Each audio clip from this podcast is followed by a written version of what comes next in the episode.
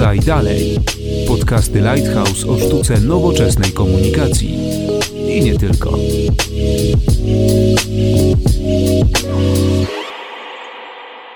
Dzień dobry, Konrad Domański. Zapraszam na 35. odcinek podcastu Lighthouse Podaj dalej, w którym porozmawiamy o zmieniającym się świecie mediów w obliczu m.in. wojny na Ukrainie czy pandemii.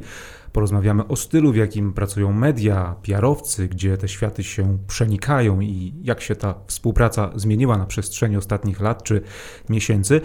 Moimi waszymi gośćmi będą dzisiaj Bolesław Breczko, dziennikarz na co dzień zajmujący się tematyką technologiczną i biznesową. Cześć. Jest z nami także Andrzej Mirowski z Lighthouse, któremu i technologie, i biznes, ale też tematy bardziej korporacyjne nie są obce i dzisiaj z nami w odcinku też będzie. Cześć, dzień dobry.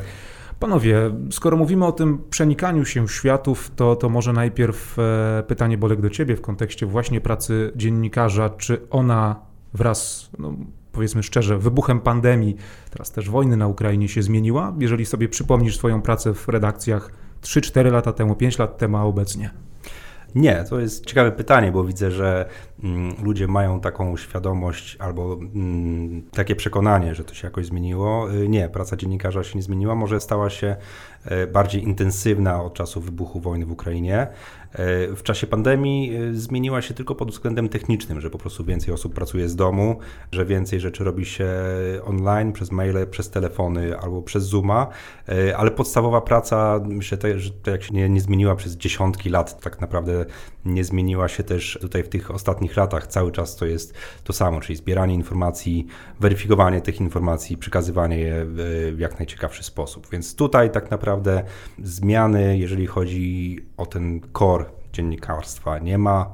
Trochę się zmieniły może techniczne warunki, czyli mniej właśnie tych spotkań, mniej jeżdżenia do redakcji, więcej, więcej robi się online'owo. Powoli to zaczyna wracać do tej sytuacji sprzed pandemii. Mam nadzieję, że część tych wypracowanych systemów e, zostanie, bo okazuje się, że dziennikarze tak naprawdę nie są potrzebni w ogóle w redakcji, a ściąganie ich tam na siłę nie zawsze musi skutkować czymś pozytywnym, więc fajne to będzie takie przewartościowanie może niektórych priorytetów. Czasem więcej da się zrobić z domu i, i szybciej. A zmiany w dziennikarstwie zachodzą, myślę, jakby stale od, od lat, gdy mamy tą rewolucję cyfrową, coraz mniej papieru, coraz więcej w internecie, więc jakby pod tym względem to się zmienia, że czego innego wymagają media internetowe niż y, media papierowe. To w przypadku pracy PR-owej, Andrzeju, też z Twojej perspektywy fajnie byłoby dodać, czy tutaj też y, teoretycznie praca polega na tym samym, ale gdzieś w technice da się zmiany zaobserwować? No ja to widzę z tej strony, e, że kiedyś e, dziennikarz, jeżeli był na dwóch konferencjach dziennie, to, to był maks, a to, co się stało, to przyspieszenie cyfrowe związane z pandemią spowodowało, że teraz z biurka w domu mógł pojawić się w zasadzie co godzinę na innym wydarzeniu, zebrać informacje, zebrać materiały, nawet zadać pytania. Więc e, z tego punktu widzenia myślę jednak tutaj ta zmiana trochę e, bardziej nastąpiła. Mnie się zdaje, że, że, że pandemia po prostu przyspieszyła w tym krótkim czasie zmiany, które były oczekiwane mm, na przestrzeni 5-10 lat, tak? A, a, przeszliśmy w zasadzie na Zooma, Teamsy i tak dalej w, w przeciągu trzech miesięcy, co widać po dzieciach, po dziennikarzach i innych sferach życia. Ja patrząc na krajobraz mediów e, naszych i nawet zagranicznych też patrzę na to w ten sposób, że e, nagle się okazało, że jest o wiele więcej ekspertów dostępnych na rynku. Już nie muszą Państwo przyjechać do studia, nagrać się, tylko e, no, niejednokrotnie widzimy relacje właśnie na Zoomie czy na e, innym komunikatorze i te osoby są dostępne dlatego liczba tych osób się tak znacząco w mediach e, poszerzyła. A dla PR-owca to też są duże zmiany, czy, czy niekoniecznie, jeżeli chodzi o styl pracy? Myślę, że pandemia przede wszystkim e, spowodowała to, że, że każda dziedzina życia uległa pewnym zmianom, więc też się przesiedliśmy za biurka w domach. Niektórzy jeszcze do tej pory nie wrócili do, e, do stacjonarnej pracy, więc to są takie zmiany, które dotyczą tak naprawdę no, całej gospodarki, no, tych wszystkich zawodów, które nie wymagają no, tak naprawdę pracy fizycznej. Ale z perspektywy na przykład naszej agencji, no to już też zdarzyło nam się wygrywać kontrakty tylko i wyłącznie poprzez spotkania w internecie z klientami. To jest coś zupełnie nowego, bo, bo kiedyś nie mogliśmy wyobrazić sobie przetargu e, z klientami, nie spotykając się z nimi fizycznie też te zmiany, które, które zachodzą, to one nie zachodzą od czasu pandemii, ale już i, i wcześniej udało się je obserwować, tylko to przyspieszyło po prostu. I, I, tutaj myślę, że warto odnieść się właśnie do tego przenikania się światów dziennikarstwa i PR-u i tego, jakie są teraz oczekiwania dziennikarza, no bo wiadomo, że cały czas jeszcze są te słynne informacje prasowe, komunikaty, które do dziennikarzy docierają. Ja podejrzewam, że u Ciebie, Bolek, to skrzynka jest e, zapchana wręcz różnymi komunikatami i pytanie, to, to z czym teraz docierać do dziennikarza, żeby go zainteresować? Tutaj też myślę, że tak naprawdę to się mocno nie zmieniło. Myślę, że problemem jest y, cały czas niezrozumienie PR-owców, oczywiście nie wszystkich, ale, ale, ale części, jak są oni odbierani przez dziennikarzy. To jest coś, y, o czym mówiłem na, na ostatnim szkoleniu, które prowadziłem dla agencji PR-owej. Taka instrukcja obsługi dziennikarza, czyli jak PR-owiec wygląda właśnie mm, z drugiej strony i myślę, że taką podstawową informacją, którą warto, żeby sobie właśnie firmy PR-owe, PR-owcy przyswoili, to że PR-owiec dla dziennikarza jest jednym z wielu źródeł informacji. Muszą oni najpierw zrozumieć, jakby co robi dziennikarz. Czyli dziennikarz zbiera informacje, stara się wybrać te najciekawsze i przekazuje je y, swoim czytelnikom, żeby ci czytelnicy albo kupili gazetę, jak to było kiedyś, albo weszli na jego portal, kliknęli ten artykuł, przeczytali go, przeczytali później inny. I to może zrobić tylko i wyłącznie prezentując ciekawe dla niego i dla czytelników informacje. Więc jeżeli ja dostaję dziennie kilkadziesiąt e, informacji prasowych, to muszę je. A, i to też jest co istotne, że te źródło informacji, którym są kierowcy dla dziennikarzy, to jest ostatnie w hierarchii ważności źródło tak? Czyli najpierw się przegląda agencje informacyjne, przegląda się mm, zagraniczne media, przegląda się Twittera. Twitter jest najszybszym źródłem komunikacji, co jakieś ważne i wiarygodne osoby y, powiedziały, sprawdza się swoje źródła. Jak już wszystko, wszystko w to się przejdzie, przejrzy się y, konkurencję, to na końcu się wchodzi y, na skrzynkę i się patrzy, co, jakie informacje prasowe przyszły. Czy jest tam coś dla mnie ciekawego, może jeszcze. A ponieważ tych informacji jest kilkadziesiąt, oprócz tego są też inne informacje, dlatego ja y, spędzam może sekundę do półtorej sekundy, czytając temat takiej wiadomości i podejmując decyzję, czy ona jest dla mnie interesująca. Więc jeżeli taka informacja nie będzie już zawarta w pierwszych dwóch, trzech słowach wiadomości i ona nie będzie interesująca dla mnie, to ona od razu idzie do kosza. Dlatego bardzo ważne jest, żeby PR-owcy i w tych, i w każdych czasach tak naprawdę wiedzieli, co piszą, wiedzieli, do kogo piszą, po co to piszą, jaką informację chcą przekazać i czy to jest istotne dla tego dziennikarza, bo, to, bo informacja może być ciekawa dla jednego dziennikarza, a dla innego już nie. Dlatego wysyłanie takie masowe prasówek zupełnie według mnie y, się nie sprawdza. Y, agencje prasowe powinny zrobić sobie nawet listę dziennikarzy i prowadzić archiwum tego, o czym oni piszą, co ich interesuje, co piszą na Twitterze, co piszą na Facebooku. Taki lekki stalking, jak ja to mówię, nie ma nic złego, bo to jest coś, czym my się chwalimy. I patrzeć, ten napisał na przykład o chmurze do zastosowań małych, średnich przedsiębiorstw z jakiegoś powodu, może go to interesuje, no to tutaj mam taką wiadomość. Ale jak mam dziennikarza, który nigdy w życiu o tym nie napiszą, bo on pisze tylko na przykład o smartfonach i telewizorach i ja mu wysłam taką informację i później jeszcze do niego dzwonię i się pytam, czy jest szansa na publikację, no to nie, no nie ma szansy na publikację. To tak, ja też tak mówię, jak ktoś pyta i chce usłyszeć szczerą opinię, jak ktoś do mnie dzwoni z pytaniem, czy jest szansa na publikację, no to ja mówię, że tak, proszę przesłać jeszcze raz maila, żeby był na górze, ale tak naprawdę, no, żeby być uprzejmym, nie? Ale tak naprawdę no, nie ma szansy na publikację. Jeżeli musisz zadzwonić do kogoś, do dziennikarza i zapytać się, czy jest szansa na publikację, to znaczy, że nie ma. Bo to znaczy, że nie wiesz, do kogo napisałeś albo napisałaś i, i z czym, czy to go w ogóle zainteresuje. Dlatego jakby wracając tutaj do, do tego tematu, jak się zmienia to spotkanie na linii e, dziennikarzy i, i PR-owców, to w ten sposób, że może teraz oni są jeszcze bardziej zagubieni niż, niż byli wcześniej czasem, że tutaj mamy, tutaj mamy wojnę w Ukrainie, gigantyczny kryzys, a tutaj ktoś do mnie pisze, czy jest szansa na publikację informacji o jakiejś nowej usłudze gdzieś tam w czymś tam, co zupełnie mnie interesowało wcześniej, a teraz tym bardziej nie będzie mnie interesowało. Więc to też jest kwestia wybrania czasu i, i tematu i postarania się dotarcia do tego dziennikarza. No to jest z jednej strony to jest atut, że taki e, PR-owiec ma gdzieś tam kanał wejścia do, do, takiego dziennikarza, tak? On mu poświęci na przykład te 15 sekund, gdzie nie poświęci nikomu innemu, więc dobrze jest te 15 sekund wykorzystać jak najlepiej, a nie próbując mu wcisnąć coś, czym może nie być zainteresowany. Ja też się zastanawiam nad tym, bo wspomniałeś, że, że to jest e, sekunda, półtorej sekundy, dwie sekundy, kiedy masz czas na to, żeby rzucić okiem na temat maila od e, agencji, od PR-owca, od osoby, która e, chce ci, mówiąc kolokwialnie, sprzedać jakiś temat. Pytanie moje jest takie, czy tytuł maila powinien być clickbaitowy? Zależy, co określimy jako clickbait. Clickbait w takim negatywnym słowa znaczeniu y, znaczy, że oszukało się kogoś, e, tak? I to rozumiem przez clickbait, że widzę, widzę tytuł, wchodzę później w tekst, a tam zupełnie tego nie ma.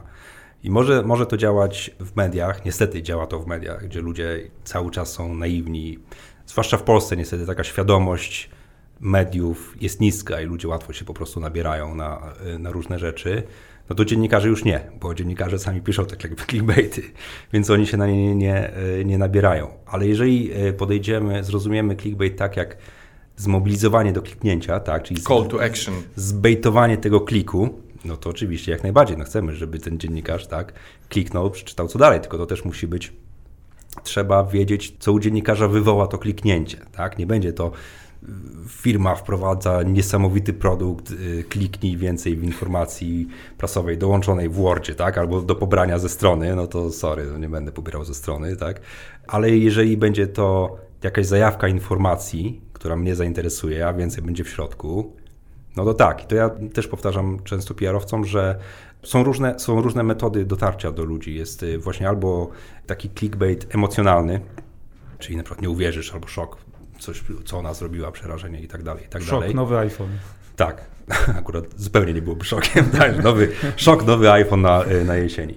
Albo, albo humorem, napisać jakąś humorystyczną y, wiadomość, co może mieć duży skutek, ale to trzeba robić bardzo uważnie i nie zawsze może dać efekt albo po prostu starać się przekazać informacje. I wydaje mi się, że to jest e, najskuteczniejszą praktyką właśnie w działaniu kierowców z, z dziennikarzami, żeby starać się od samego początku przekazać najważniejsze informacje, czyli ta teoria tej, tej piramidy, tak, że najpierw dajemy to najważniejsze, a później tam budujemy ewentualnie e, cały background, kto, co, dlaczego i tak dalej. I tak dalej. A czy wy wykorzystujesz na przykład inne narzędzia e, komunikacyjne w kontaktach z e, PR-owcami? Na przykład czy PR-owcy próbują do Ciebie dotrzeć chociażby przez DM na Twitterze? E, przez DM na Twitterze nie. W ogóle DM na Twitterze są w Polsce mało popularnym kanałem, ale przez Messengera tak. Przez Messengera tak i ja kontaktuję się z PR-owcami przez, e, przez Messengera, ale to jest taka cienka granica i tutaj uważam, że dobry PR-owiec e, sam wyczuje, kiedy będzie mógł zaprosić dziennikarza na Facebooku i kontaktować się z nim tam. Bo jeżeli to nastąpi po jakimś osobistym spotkaniu, na przykład na jakimś evencie albo na jakiejś imprezie branżowej, gdzie tam się poznają jest jakaś taka nić koleżeńska, to uważam, że wtedy jakby jest to jak najbardziej na miejscu, żeby dodać taką osobę i później pisać coś tam, cześć, słuchaj, mam tutaj taką informację, może Cię zainteresuje. Z kilkoma, czy nawet kilkunastoma kierowcami e, działam w ten sposób i i, i to jest bardzo w porządku. Y, nie lubię z kolei, jak ktoś, kogo zupełnie nie znam, mnie zaprasza na Facebooku albo pisze mi na Facebooku i dzień dobry Panie Bolesławie, to jest takiej, z takiej firmy, może coś takiego zainteresuje, no i wtedy jakby to, to ignoruję, bo jednak Facebooka cały czas uważam za taki prywatny, prywatne miejsce, gdzie ewentualnie mogę z kimś, kogo znać czasem y, pogadać o, o jakichś takich y, służbowych rzeczach, a nie odwrotnie. Do tego lepszy jest telefon i e-mail. Więc jest to, jest to skuteczne narzędzie, ale trzeba wiedzieć też, jak go używać. To też jeszcze wracając do tematu, jak się to zmieniło, no to tutaj Andrzej rozmawialiśmy przed spotkaniem, że o ile właśnie w produktówce to faktycznie jest tak, że często jeszcze te informacje prasowe są tym mocnym narzędziem, o tyle w biznesie, tematach korporacyjnych to i firmy, i PR-owcy no, rozumieją, że trochę świat inaczej działa i trzeba inaczej do tematu podchodzić, z wyjątkami oczywiście. No tak, tak. Ta, ta, świadomość może jest trochę większa, ale nie zawsze, tak? Myślę, że tutaj rola e, PR-owców jest też e, w trochę w drugą stronę, nie tylko e, ten kontakt z dziennikarzami, ale też edukacja klientów. I to jest ważne w, w takiej bezpośredniej, codziennej pracy, którą, którą my wykonujemy. Musimy zdać sobie sprawę z tego, że, że PR-owiec jest tak naprawdę doradcą i, I, też jego rola nie polega tylko i wyłącznie na tym, żeby wykonywać e, polecenia od klienta bez, bez namysłu, ale też doradzać, podpowiadać, właśnie również w kontekście e, relacji z dziennikarzami, żeby tą współpracę jak e, najlepiej ogarniać. To może już zostawmy temat współpracy na linii PR dziennikarze, bo, bo druga część naszego, naszego dzisiejszego podcastu to coś, e, no, co jest bardzo, bardzo na czasie, bo wiadomo, że media się trochę zmieniły, tematy są trochę inne podejmowane. Pandemia, teraz e, wojna na Ukrainie, więc i też większość tematów w ogóle z tym jest e, i w mediach technologicznych, biznesowych i tych ogólnych przede wszystkim podejmowana.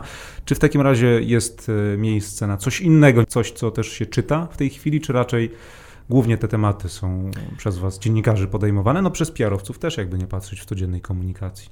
Więc pandemia już się ludziom znudziła. Dwa lata było wystarczająco dużo. No i też jakby realia pokazały, że ta pandemia może nie dotyka wszystkich tak mocno, jakby się, jakby się o tym mówiło, albo jakby się wydawało. Ludzie już mniej chętnie czytają o pandemii. No teraz zdecydowanie pierwszym, głównym i czasem jedynym tematem jest, jest wojna w Ukrainie, e, chociaż ostatnio też e, doszła inflacja w Polsce i zwłaszcza kredyty. No ale cały czas i myślę, że jeszcze, jeszcze przez kilka miesięcy e, temat wojny w Ukrainie będzie tym głównym i tym jedynkowym. Czy jest, czy jest miejsce na, na co innego? No zawsze się tam wciśnie, ale jeżeli mamy jakiś taki temat, który naprawdę mocno zabiera ten czas antenowy, e, że tak powiem, to każdy inny temat po prostu już e, spada i jest mniej interesujący. Dlatego może wtedy warto poczekać z jakąś kampanią, jak się trochę przycichnie i zrobi miejsce na coś innego.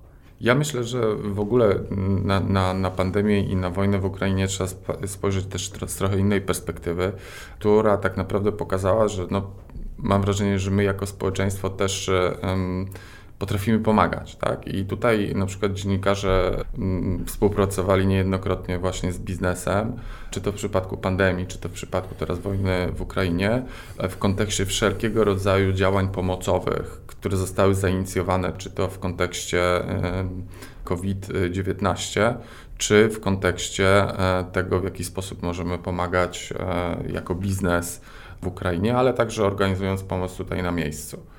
Więc y, z, mojego punktu widzenia i y, tak jak patrzę na to, co chociażby robią e, klienci naszej agencji, to jest dość spora rola właśnie dziennikarzy i pośrednio również nas, ponieważ my przekazujemy te informacje do dziennikarzy odnośnie wszelkiego rodzaju pomocy, a y, dziennikarze dość chętnie e, dalej publikują te informacje i tak naprawdę to jest taka sytuacja win-win dla wszystkich, tak? Bo ta pomoc jest realna, to nie jest taki greenwashing, którego nie lubimy, e, a przy okazji e, potencjalni klienci, społeczeństwo dowiadują się o tym, co, e, co biznes może dobrego zrobić w szczytnym celu.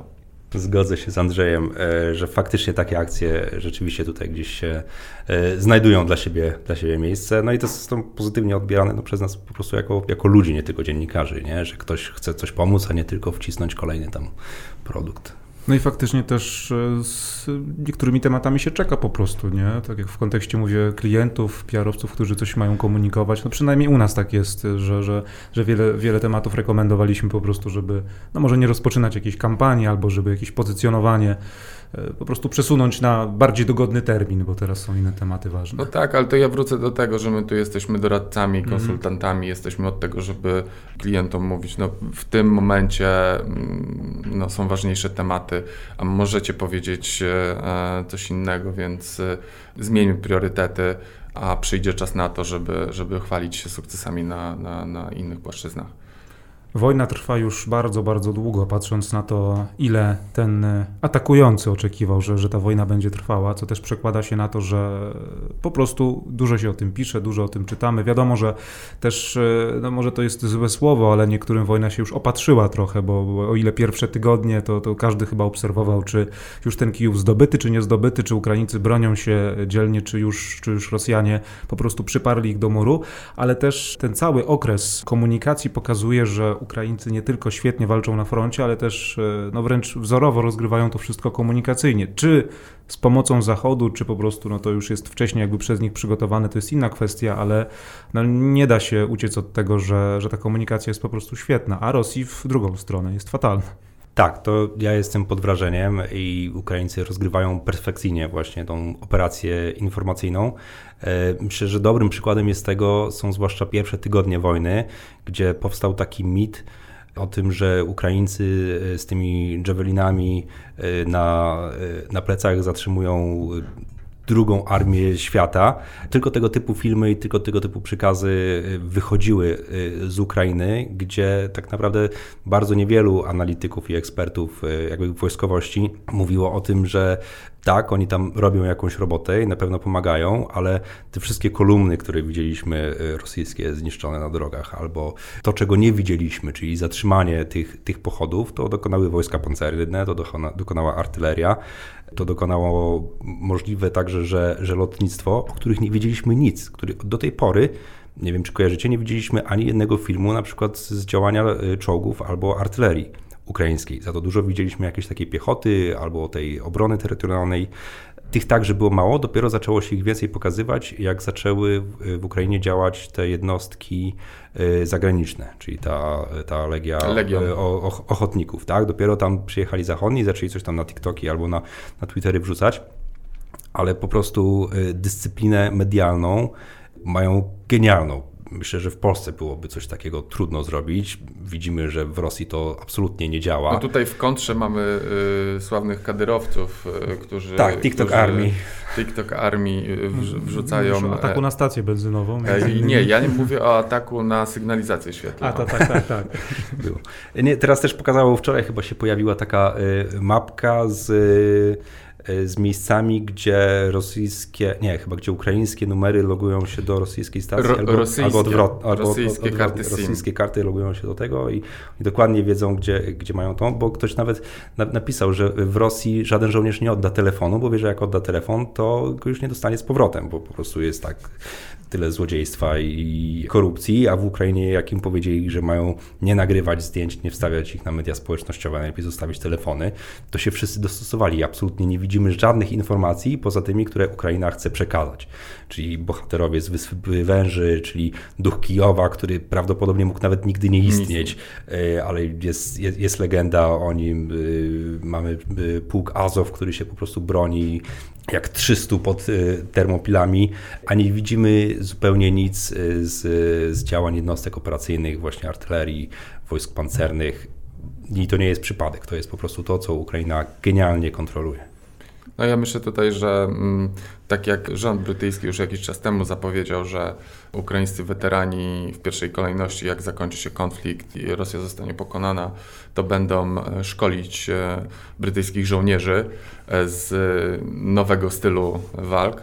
Tak samo myślę, że my, my jako i dziennikarze, i, i PR-owcy możemy też trochę wniosków powyciągać odnośnie tego, w jaki sposób Ukraińcy się komunikują ze światem. Jedyny problem w tym jest taki, że mm, niestety ten przekaz w bardzo ograniczonym zakresie dociera do Rosji, żeby tam otwierać umysły. I jeżeli jakiekolwiek jeszcze tam mogą zostać otwarte umysły, tu, tu, też ciekawostka z tego pola informacyjnego, że no, to niezależna społeczność hakerska próbuje próbuje działać w, w niekonwencjonalny sposób. I też możemy właśnie w mediach społecznościowych oglądać, e, w jaki sposób nawet sami ich wspierać.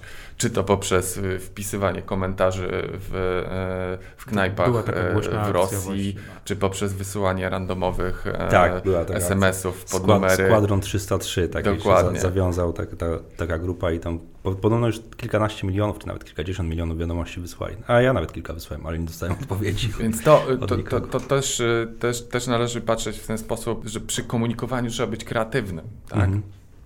Zastanawiam się, czy jakoś tutaj jakby branża e, jest w stanie wyciągnąć wnioski z tego działania, no bo to jest sytuacja, w której raczej nikt inny się nie znajdzie, a raczej będzie ciężko, ale mm, to, co mi się tutaj jakby podoba i to, co jest według mnie przykładem zawsze dobrego zarządzania kryzysem, to jest tutaj prezydent Zełenski, który od początku jakby mocno bardzo jakby kontroluje, bierze, bierze na siebie i też nie cukruje. Mówi, że mamy problem, ale też mamy jakieś tam zwycięstwa, daje nadzieję i mówi, i mówi wprost, ale dokładnie, do, dokładnie wybrane, wybrane informacje i sprawia, sprawia wrażenie wiarygodnego bardzo, bardzo w tym, co mówi. Po prostu mu e, ludzie wierzą.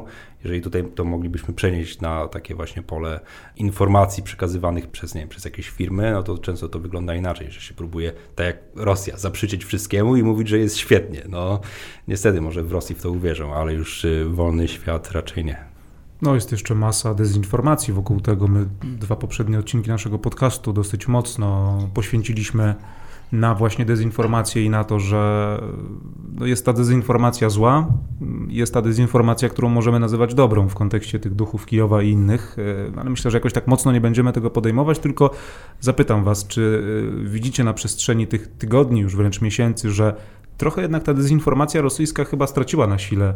O ile w tych pierwszych tygodniach paliwa mieli dużo, o tyle ja mam wrażenie, że z tygodnia na tydzień już nikt e, poza Rosją się na to nie łapie po prostu. Ja bym to chyba porównał trochę do sytuacji z 2014 roku, kiedy my zostaliśmy totalnie zaskoczeni e, działaniami dezinformacyjnymi ze strony rosyjskiej. Kiedy w zasadzie na każdym e, polskim portalu, w każdym medium internetowym, e, w komentarzach był wysyp wpisów ze strony mm, fejkowych kont rosyjskich, tak? Teraz już jesteśmy na to uczuleni, mamy narzędzia, żeby z tym walczyć. E, i teraz ta sytuacja wygląda zupełnie, zupełnie inaczej. Tak, zgadzam się, że już się trochę przyzwyczailiśmy, a z drugiej strony w tym czasie do, do, do wybuchu wojny Rosja działała jednak bardziej subtelnie. Te, te działania, które były opisywane przez niektóre y, agencje czy, czy firmy właśnie zajmujące się tym, mm, nie były wprost związane z Rosją, tylko to było na przykład propagowanie tych ruchów antyszczepionkowych, antynaukowych, y, nacjonalistycznych, które miały prowadzić do podziału społeczeństwa i w Unii Europejskiej. I na to niektórzy ludzie się nabierali, nadal się nabierają, nadal w Polsce mamy dość, dość silne tego typu grupy. Ale teraz już jest tak, jak to się działo w odcieniach szarości, to można było tutaj coś kombinować. Jak teraz jest czarne i białe, no to już ciężko wmówić ludziom, że jedno jest drugie, tak. To jest w ogóle niesamowite, że e, są, są takie badania, które pokazują, że ponad 70% kont, które były zaangażowane w e, propagandę antyszczepionkową, całkowicie zmieniło tematykę tak, po, tak. po rozpoczęciu e, działań wojennych przez, e, przez Rosję też w kontekście tego jakby zagłębia dezinformacji, czyli Twittera. E, ciekawe były te argumenty o tym, że Elon Musk postanowił nie wspierać Ukrainy finansowo, ale wykupić Twittera, żeby wyciąć Rosję całkowicie od źródła dezinformacji.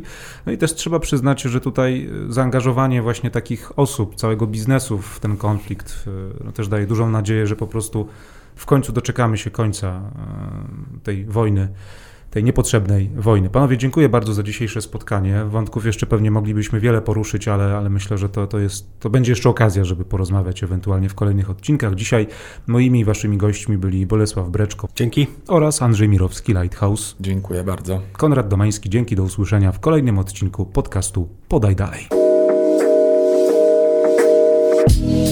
Spodobał Ci się nasz podcast? Podaj dalej i śledź naszą stronę oraz kanały społecznościowe.